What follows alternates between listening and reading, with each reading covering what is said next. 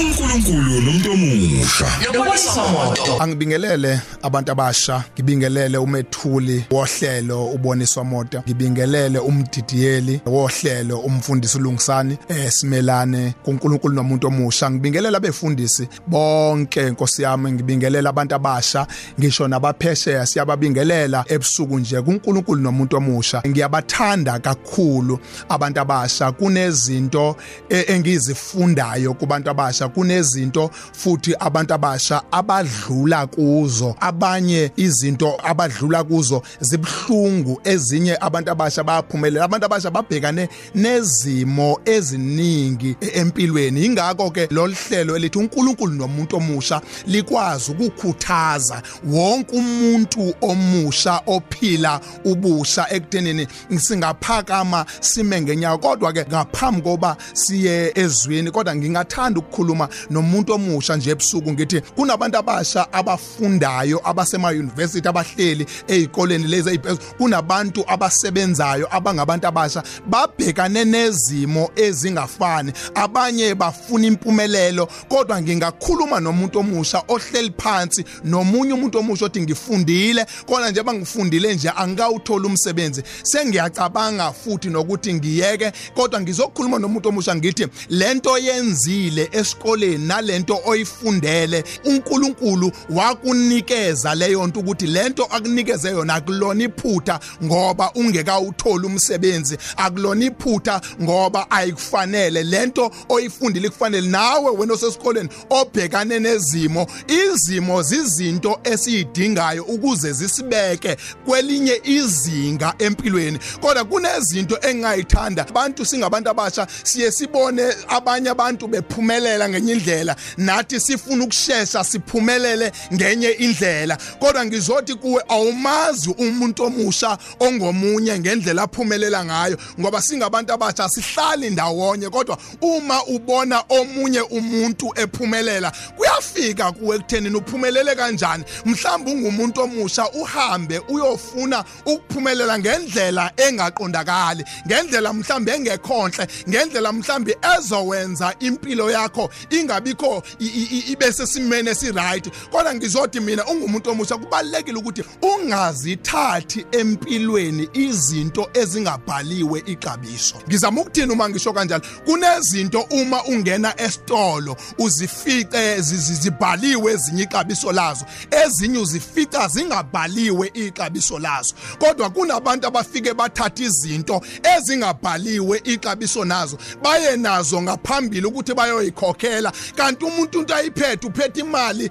engalingani nalento ayiphethe. Uma seyifika ngaphambili afika phoxakale mhlambi bengaphezulu le le- le- le- le- le- lento ayiphethe kunale mali onayo. Ubese uyaphoxakala kube sekumele ukuthi ke manje ukhokhe imali engaphezulu kwale abuzwa yikhokha ngoba into oyithathile ayinalo ixabiso. Kodwa uma ngumuntu omusha ubekezela uthatha into empilweni enexabiso ikulungiselela uma ufika ngaphambili ukwazi ukukhokha imali elingene. Ngamanye amagama ungajahi impilo ngoba ubona abanye abantu ngoba ubona abanye bephumelela. Isikhathi sabantu asifani uNkulunkulu uphumelelisa abantu ngesikhathi sakhe not ngesikhathi sethu. Kodwa into engingayisho kakhulu kumuntu omusha awulona iphutha ngoba ungasebenzi awulona iphutha ngoba kunezinto ezikuhlulayo umuntu omusha ongaphakama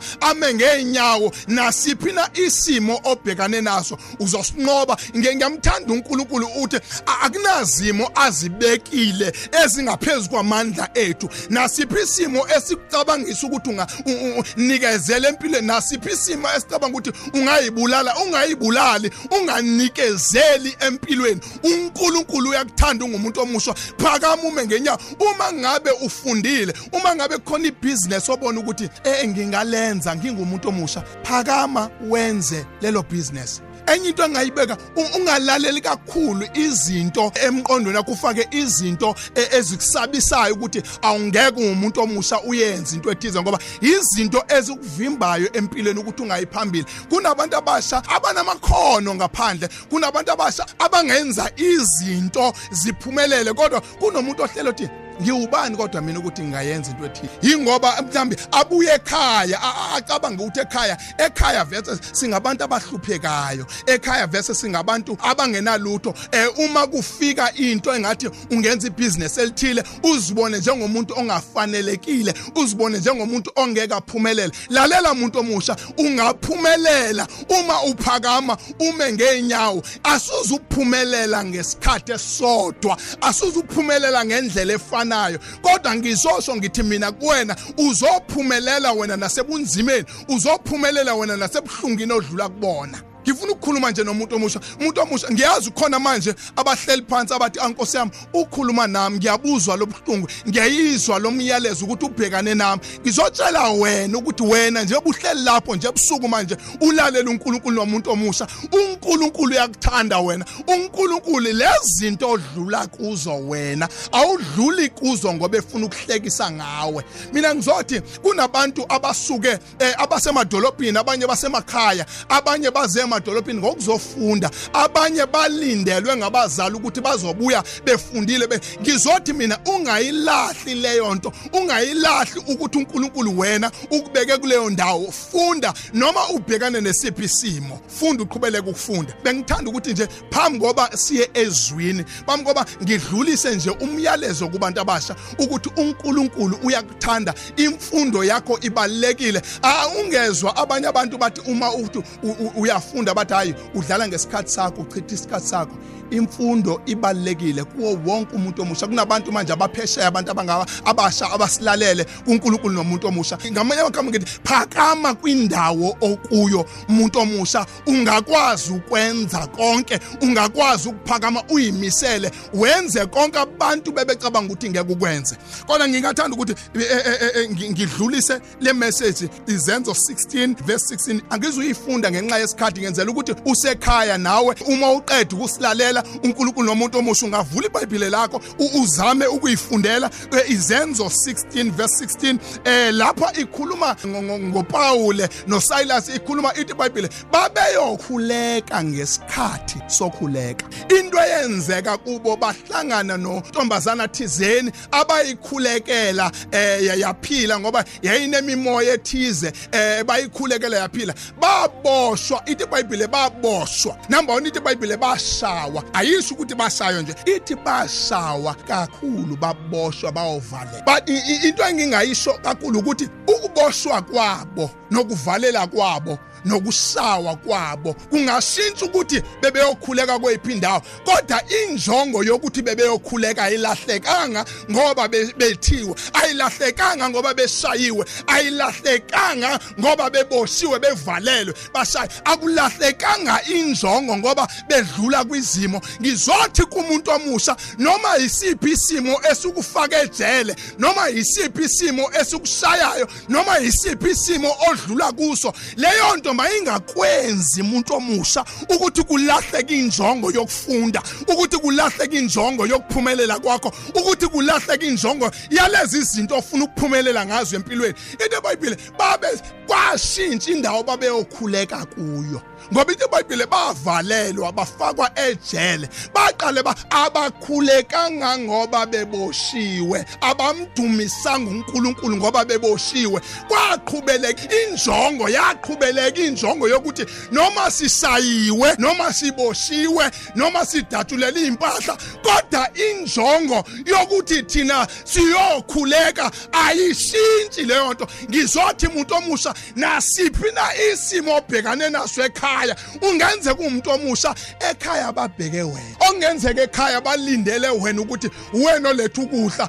Enzeka ekhaya nabantwana babheke wena konke wena osele ekhaya umuntu omusha. Konke lokho okwenzayo kunezinto ezikushayayo ngoba uzama ukuletha ukudla ekhaya. Kunezinto ezikushayayo ngoba uzama ukuphumelela. Kodwa mina ngizothi kuwe ungumuntu omusha lezi zinto obhekane nazo ungalilahli ithawuli ungayilahli uku- i- injongo yokuthi uNkulunkulu unecebo ngawe. Nawe uNkulunkulu uyakuthanda. uNkulunkulu ufuna uphumelele ngizosho lokho kuwe namhlanje ngizothi umuntu omusha phakama. Ngiyazi izinto zokushayile ngiyazi njengamanje sikhuluma nje ebusuku nje kuNkulunkulu womuntu omusha kunabakhalayo manje. Kunabadlula kwisimo njengamanje. Kunabantu abathi kusasa. Ngizothini? Kunabantu namhlanje abasethi angisakwazi ukuhamba ngihambe ngiyofuna umsebenzi. Sengiyanikezela empilweni ngoba azikho izinto ezingenza ngiphumelele. Kodwa ngizothi kuwe namhlanje uNkulunkulu nomuntu omusha uNkulunkulu unecebo ngawe uNkulunkulu uyakuthanda uNkulunkulu ufuna ukukubona uphumelele. Ngizothi kuwe noma yini oyenza kune business olenzayo kune business olenzayo njengamanje lihamba kancane lihamba kancane kunezinto ezilishayayo leli business olenzayo. La kukhona umuntu ohleli njengamanje la udayisa khona uhleli indaweni thizeni uyadayisa ukuthi ukwazi ukuphumelela. Lalela ayikho into ayikho into eqhamuka empilweni isinkulu. Ayikho into empilweni eqhamuka isinkulu. Yingakho lento lelele oyenzayo ingakho ngikhuluma nawe nje manje ufuna lento le oyenzayo ingayinto encane. Kubantu ababuke wena kodwa kuNkulunkulu kuyinto enkulu. Yingakho nje lento onayo ungayibuki o uyibone njengento encane. Into enkulu lento ukuthi wena uyahamba uphethe isivu uzama ukuthi uthole umsebenzi uyajikeleza ebusuku nasemini uzama ukuthi unganikezeli isikhathi sakho. Ingoba lalela muntu omusha angisho kanje kunabantu abalinde isikhathi. Ngifuna ungilalele kahle. Kunabantu abalinde isikhathi. Bona ukuthi sifike bakwazi ukuthola umsebenzi ukuthi sifike bakwazi ukuthola ibhizinesi abanye balinde kodwa aba balinde bengenazo izinto abalinde ngazo. Umuntu siyafika isikhathi sokuthi aphumelele kanti yena bengayilungiselele ukuthi ngesikhathi wena uhleli ufuna umsebenzi hayi phuma phandle uhambe uyofuna umsebenzi. Zilungisa uhlala phansi uthi ngilinde ukuthi kwenzeke into ethizeni. Ngilinde ukuthi kufike obani bazongisiza. Umuntu omusha phakama angisho ngoba kulula. Ngifuna ngizwe kahle lalela angisho ngoba kulula. Angisho ngoba azikho ingqinamba nezinto obhekane nazo empilweni. Zikhona kodwa azisenzi lezo zinto ukuthi sihlale phansi ngoba kunezinto esibhekane nazo. Kunabantu abathi ngifundelani? Ngoba mina vese abantu abaningi abafundile abasebenzi. Lalela